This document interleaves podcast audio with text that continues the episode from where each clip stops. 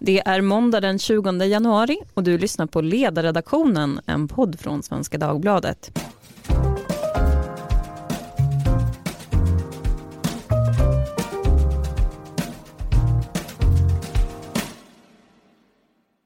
Jag heter Lydia Wåhlsten och idag ska vi prata om välfärden. Det pågår ju en politisk strid om vem som kan ge Sveriges kommuner och regioner mest pengar. Oppositionen de har hotat med att gå fram med ett eget förslag och Vänsterpartiet de har sagt att de vill se minst 10 miljarder mer till välfärden. Moderaterna har sagt att de vill ha 3 miljarder mer och Kristdemokraterna 6,7 miljarder mer. Idag meddelade regeringen så att de kommer att skjuta till 5 miljarder extra och pengarna kommer att finnas med i vårändringsbudgeten som läggs fram för riksdagen i april.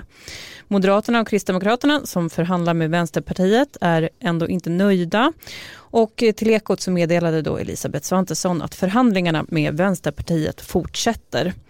Ebba Busch Thor från Kristdemokraterna hon sa så här. Välfärden behöver mer än det januaripartierna nu yrvaket ger besked om.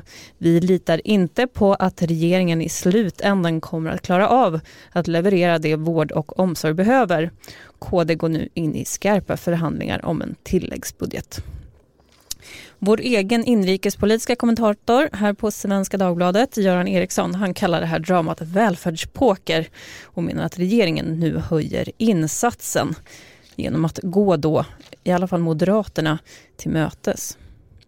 Men frågan vi ska prata om idag det är hur mycket pengar är det här egentligen?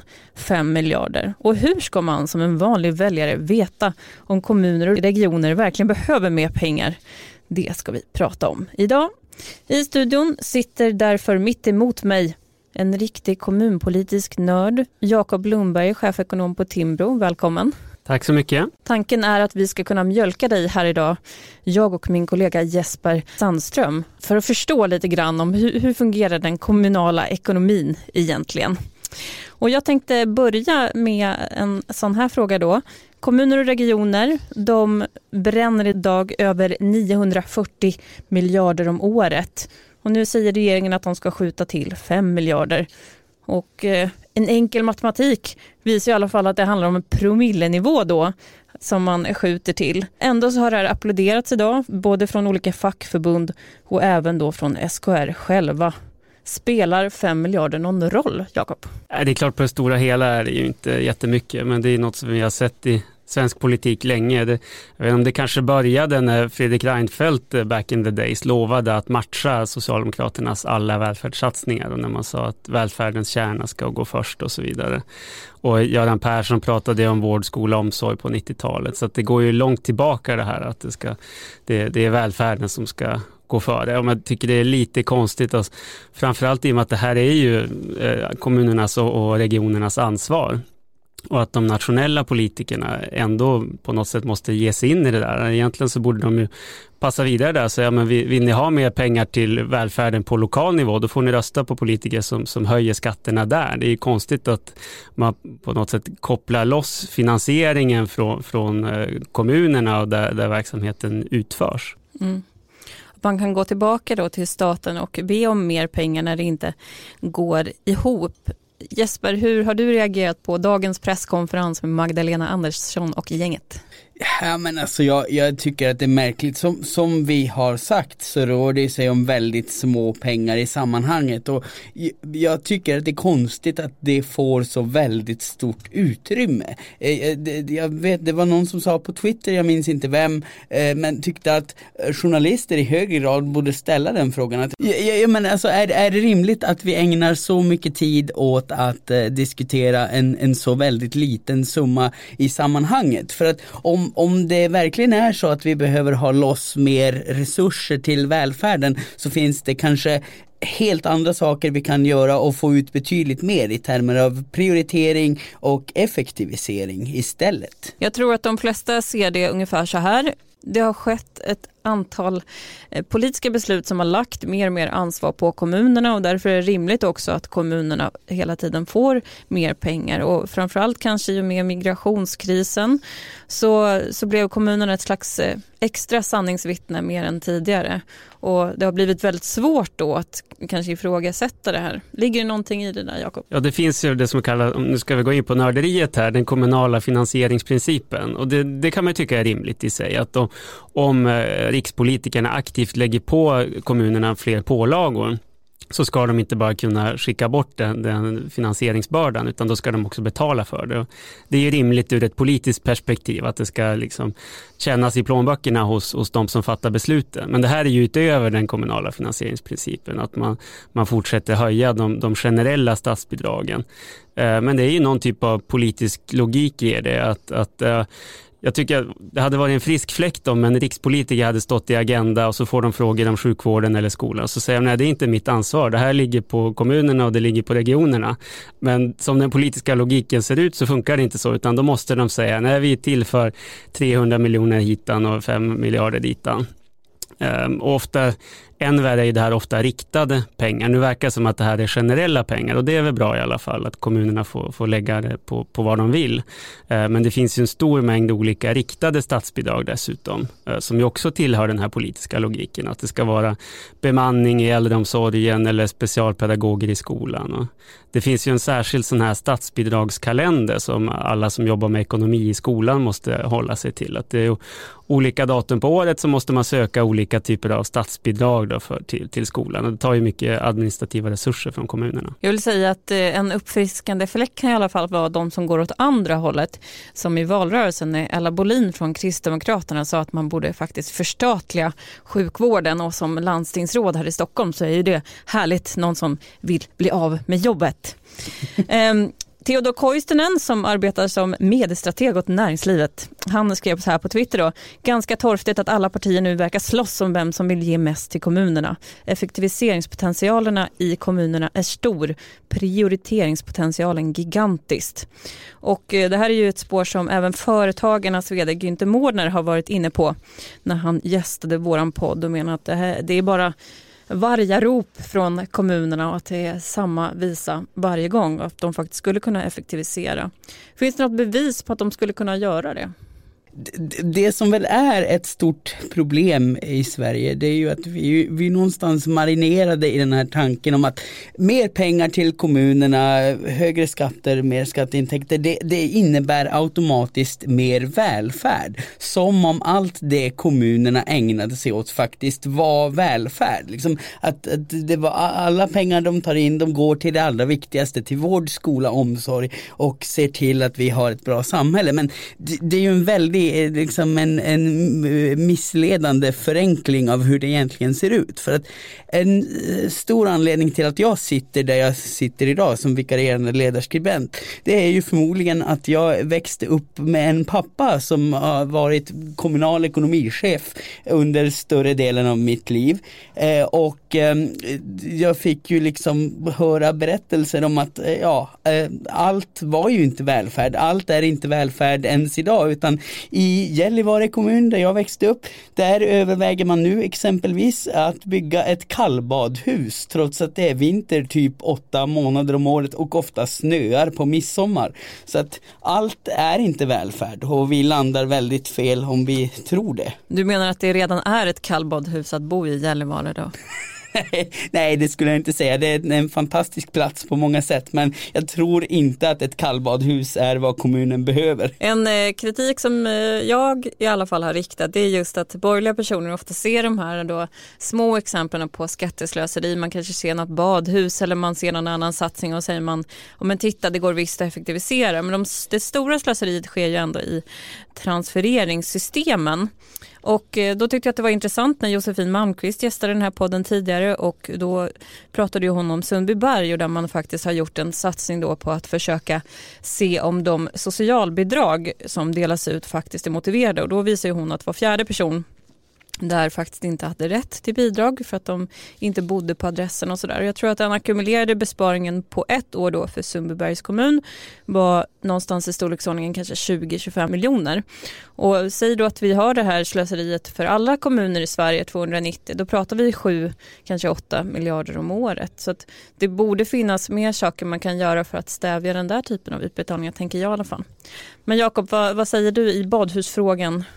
Och slöseriet? Äh, ja, det, båda sidor har väl rätt i någon, men jag tror att det är mycket slöseri ute i, i kommunerna. Det finns ju äh, det här public choice-skolan som man brukar prata om, att den som gynnas av det här kallbadhuset eller eh, vad det nu är för exempel som Martin Borgs med flera slöseriombudsmän brukar ta upp. Det var någon rondell med någon dimma och sådär. Alltså, som, det finns sådana här klassiska exempel. Och klart, de som gynnas av de exemplen tycker jag att det är väldigt trevligt. Men kostnaden sprids ut på alla kommuninvånare blir inte särskilt stor och då har man inte särskilt stor anledning att gå man ur huset och, och protestera mot det. Så det finns väl en viss logik i det.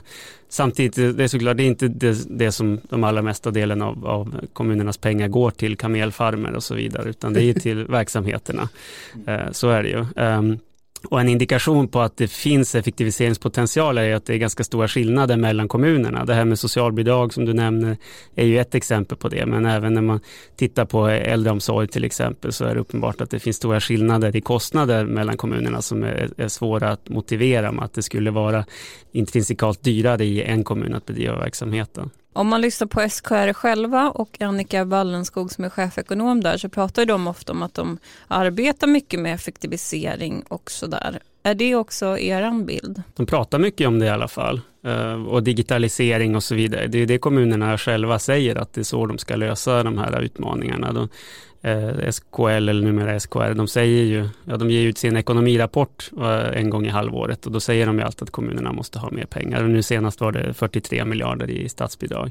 Eh, men, men de säger ju att eh, de, de ska kunna lösa en, en, stor del av det här genom att, att effektivisera och digitalisera och sådär. Eh, och jag tror nog att det finns en sån potential. Sen är frågan om kommunerna är, är kapabla att utföra det. Det kanske krävs lite politiskt mod och sådär. Vissa kanske får gå då helt enkelt om deras arbetsuppgifter blir, blir eh, överflödiga. Det, det är ju alldeles sant naturligtvis att, att eh, kamelfarmer och kallbadhus är ju liksom inte sjukan. Det är ju inte det som är det stora problemet. Men, men jag tror att det ändå är ett viktigt symptom för att precis som liksom folk i det privata, om du, om du är slösaktig i det lilla då är du ofta slösaktig i det stora också. Det, det tyder någonstans på att jo men är vi villiga att låta pengarna rinna iväg här då är vi kanske inte så måna om att de gör största möjliga nytta i de stora krångliga tråkiga systemen heller. Hur eh, ska man som väljare veta att den kommun man bor i är så effektiv som möjligt? Vad har vi för instrument i Sverige för att kontrollera revisionen?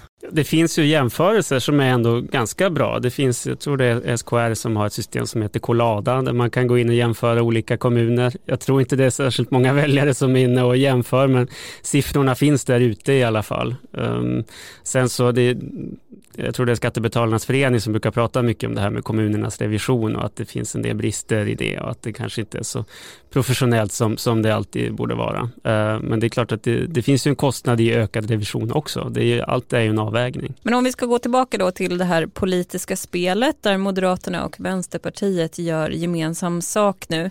Jakob pratade i början om att det här är egentligen ett arv då från nya Moderaterna, att det är det vi ser nu, en återgång till paradoxalt nog har det här nya politiska läget där man då på alkemiskt vis gifter samman de klassiska moderaterna och det nya vänsterpartiet så får man då de nya moderaterna så som de en gång var.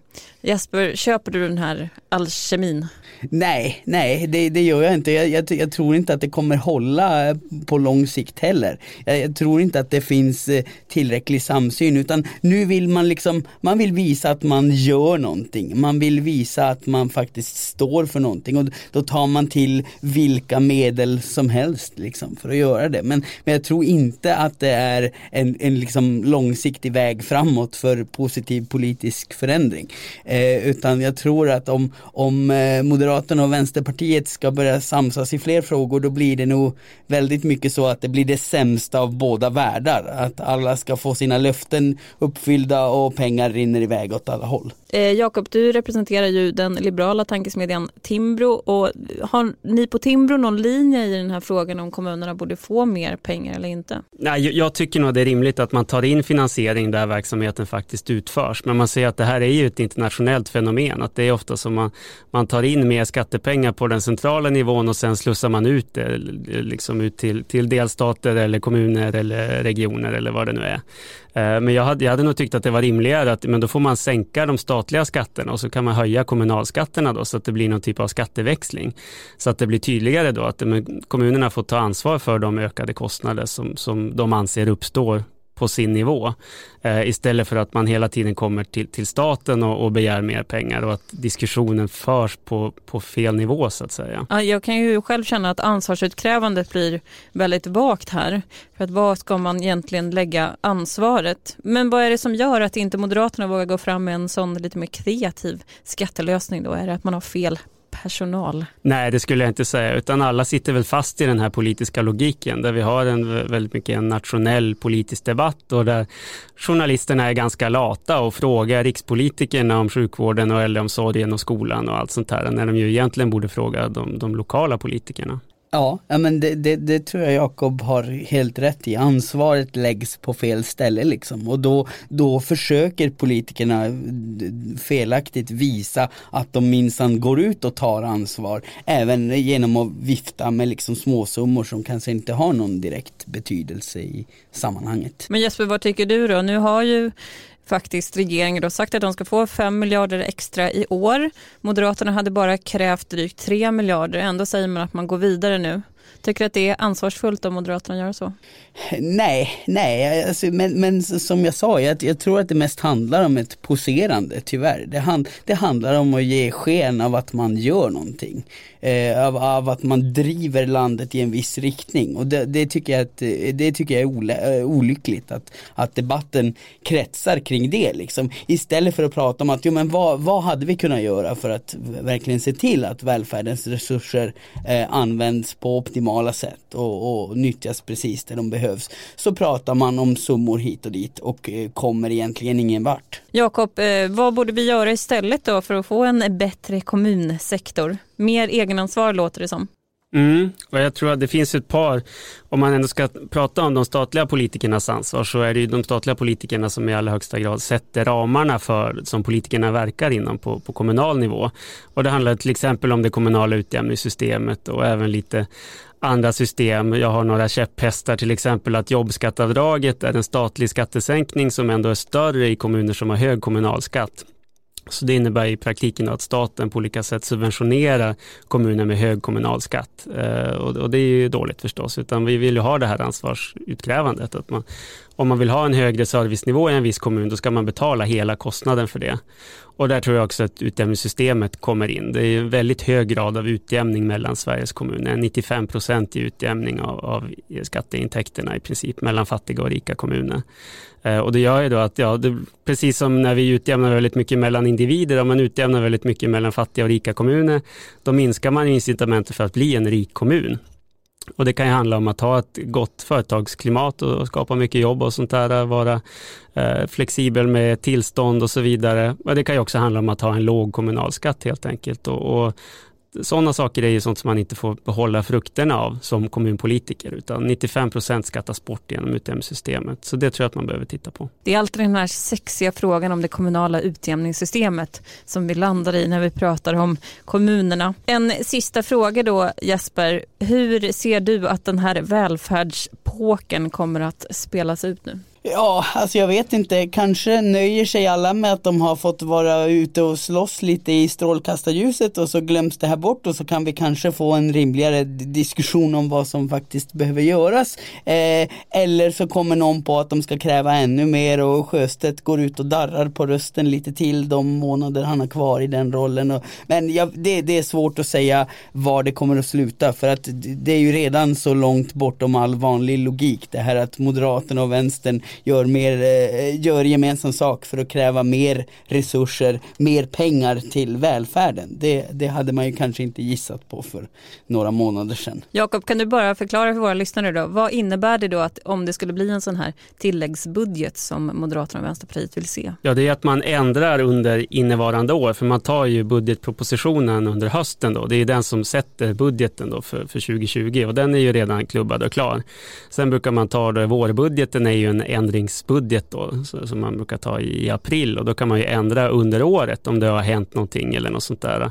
Och nu vill då Moderaterna gå fram med en extra ändringsbudget så man vill alltså ändra igen. Man kan ju lägga ett sådant förslag eh, när man vill men det är ganska sällsynt. Men till exempel under finanskrisen tror jag att man gjorde det när man kände att men vi kan inte vänta till nästa budgetår utan vi måste ändra redan nu. Eh, och det är det som, som Moderaterna har gått fram med. Medan regeringen vill vänta till, till den ordinarie vårbudgeten då med att, att ändra. Det är ju regeringen kritisk till. Som alla regeringar vill de inte att man ska börja riva just deras budgetordning. Men eh, finns det någon sans i det där med att det är dumt att börja riva i den? Ja, det ligger väl något i det. Samtidigt så huvudsaken är väl att man inte ökar på underskottet. Det, och, och de har ju ändå finansierat den här satsningen fullt ut genom att dra ner på, på olika arbetsmarknadsåtgärder och sådär om jag minns rätt. Ehm, så att, eh, det, det är så budgetramverket är satt. Att så, så länge som man man eh, förbättrar eller har statens eh, saldo oförändrat så, så är det okej okay att ändra i efterhand. Men det är klart att det, det är inte riktigt så det är tänkt att fungera utan det är ju tänkt att regeringen ska ha stöd för, för sin budget i riksdagen och, och, och sen så ska den budgeten gälla om inte regeringen själv vill ändra på den. Eh, men det, det är ett nytt politiskt läge så att vi kanske får leva med sådana här saker. Men ska man säga det att regeringen har skjutit till 5 miljarder extra. Jag har inte sett någon finansiering på det. Däremot så har ju Moderaterna ett finansieringsförslag och då är det precis som Jakob säger. Det är arbetsmarknadspolitiska åtgärder. Det är bland annat extra tjänsterna man ska dra ner på. Det är också även byggsubventionerna och det får i alla fall jag välkomna för de här byggsubventionerna har ju bara ställt till elände.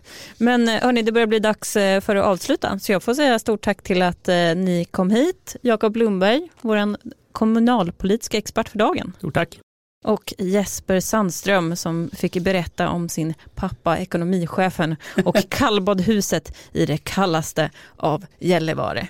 Precis, tack så mycket. Tack så mycket. Ni hör som vanligt av er på ledarsidan svd.se. Tack för idag.